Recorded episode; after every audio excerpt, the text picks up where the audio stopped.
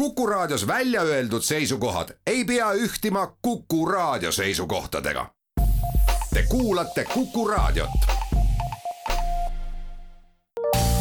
terviseks saadet toetab Lääne-Tallinna Keskhaigla, vaata ka keskhaigla.ee tere, head Kuku kuulajad, eetris on saade Terviseks ja kui me eile rääkisime ärritunud soolesündroomist, siis tänasel teemal jätkame. mina olen Ingela Virkus ja koos minuga on stuudios Lääne-Tallinna Keskhaigla endoskoopia osakonna ülemarst, doktor Külliki Suurma, tere taas! tere taas! me eelmises saates juba natukene rääkisime sellest, aga kuidas siis äh, ärritunud soolesündroomi diagnoositakse? No nii nagu ma juba eile ütlesin, et äh, ühesõnaga vereproovist me saame vaadata, kas on põletikunäitajad tõusnud, C-reaktiivne valgleukotsütoos ja kuidas on hemoglobiin ja kuidas see üleüldine organismi seisund on. ja teiseks on see väljaheiteanalüüsis, me saame väga hästi öelda, see on kohe diferentsiaaldiagnostiliselt väga oluline tänapäeval see kalprotektiini analüüs ja, ja peiteveri siis muidugi. et äh, kui on siis, äh, pöördub noh, sagedamini me mõtleme muidugi, noorem inimene tuleb, et äh, ikka otsime seda soolepõletikulist haigust, seda mittespetsiifilist, kas on siis haavakoliit või kroon, eks ole, et äh, kui on mingid veel pärasooles lõhed või fistlid või midagi sellist, proktoloogid saadavad tihtipeale, et siis, siis me ei hakka pea tööle, et seal võiks olla tegemist soolepõletikuse haigusega. Ja siis me peaksime tegema selle koleda uuringu nimega koloskoopia mis see koloskoopia on siis või kuidas see käib? see on selline uuring, et me uurime siis kaks meetrit jääme soolt ära, see on endoskoop, täpselt nii, nagu me magugi uurime, on ka teiselt pidi olemas aparaat. Ja, ja see muidugi ilma narkoosita teinekord on valulik, kui on tegemist kõhna inimesega, noore inimesega, oleneb, oleneb tema üldisest olemist, kannatusest, et natukene siiski noh, me katsume veega loputada, aga siis ka ikka natuke läheb süsihappegaasi sisse, et seda valendikku näha et võib teha ilma narkoosita küll ja me teemegi seda, lihtsalt ei ole jõudu ja jätku, ei jätku arstegi alati, anesteesiaarste nii palju võtta, et kõikidel teha seda narkoosis.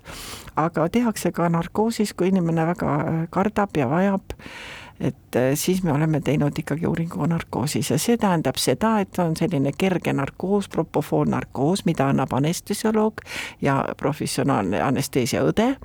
Ja meil on siis päevas statsionaarhaiged pärast seda protseduuri, mis kestab siis oleneb, mida me leiame, kas pool tundi või, või vahest isegi võib kauem kesta, vahest lühemat aega ja siis pärast seda haiget jälgitakse tund aega veel palatis ja, ja siis saab ta tulemuse teada ja üldiselt paljud ütlevad, et kas te juba alustate protseduuri, ma ütlesin juba on läbi, et, et haiged ei tunne midagi.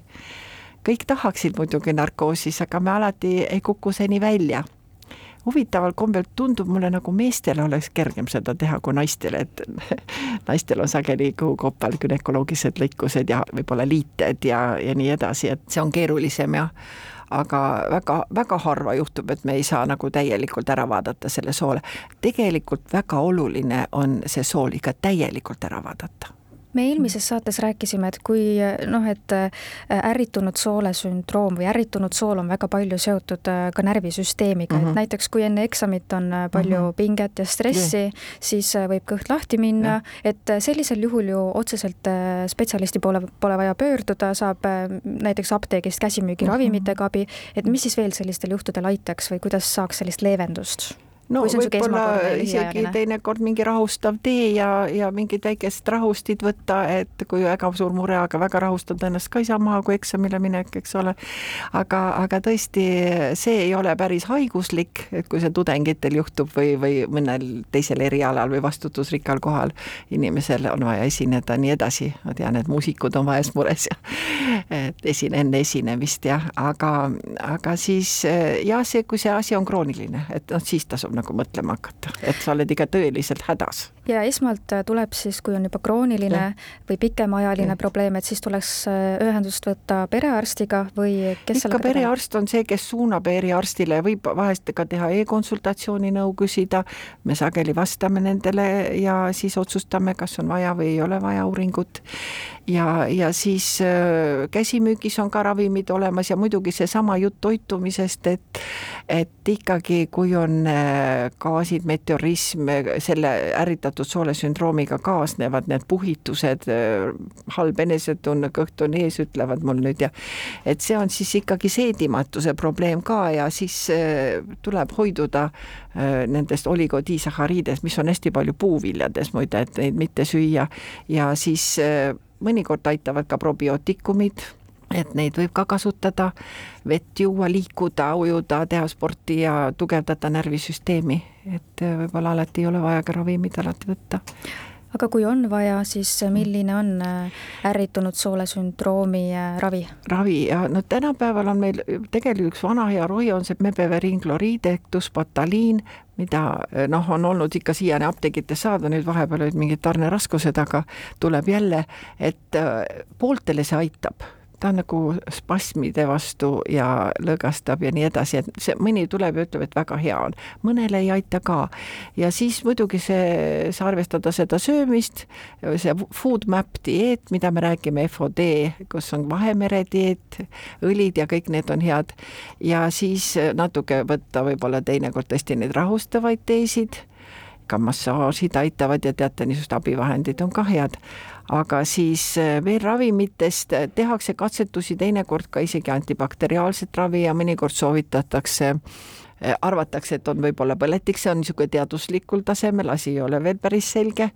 et võib-olla aitab päris hästi üks ja siis on veel oluline välja selgitada, kas ei ole laktoositalumatust, ei ole gluteenitalumatust, vot seesama väljalülitamise taktika, et see on ka tähtis kas ähm, ärritunud soolesündroomil on ka mingisuguseid tüsistusi, ehk et kui äh, need jäävadki võib-olla ravimata või äh, inimene ei oska arsti poole mm. pöörduda, et kas see võib mingeid äh, haigusi veel omakorda kaasa tuua endaga?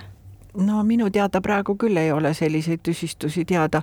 tähendab, ta ei ole selline paha probleem selles mõttes, et ega väga head rohtu nagu hetkel anda ei olegi aga samas ta võib vaevata, no kellel on see kõhulahtisus, siis tuleb võtta neid äh, preparaate, kas või loperamiidi teinekord, et natuke kergendada ja ja, ja vaadata, mis seda lahtisust võis tekitada. kui on kinnisus, vastupidi, püüda lahtistada ja, ja see, äh, mõnel on ainult kõhuvalu ja ta käib ja teeb kompuutrid ja suuri uuringuid, aga mitte midagi ei leita lõppkokkuvõttes.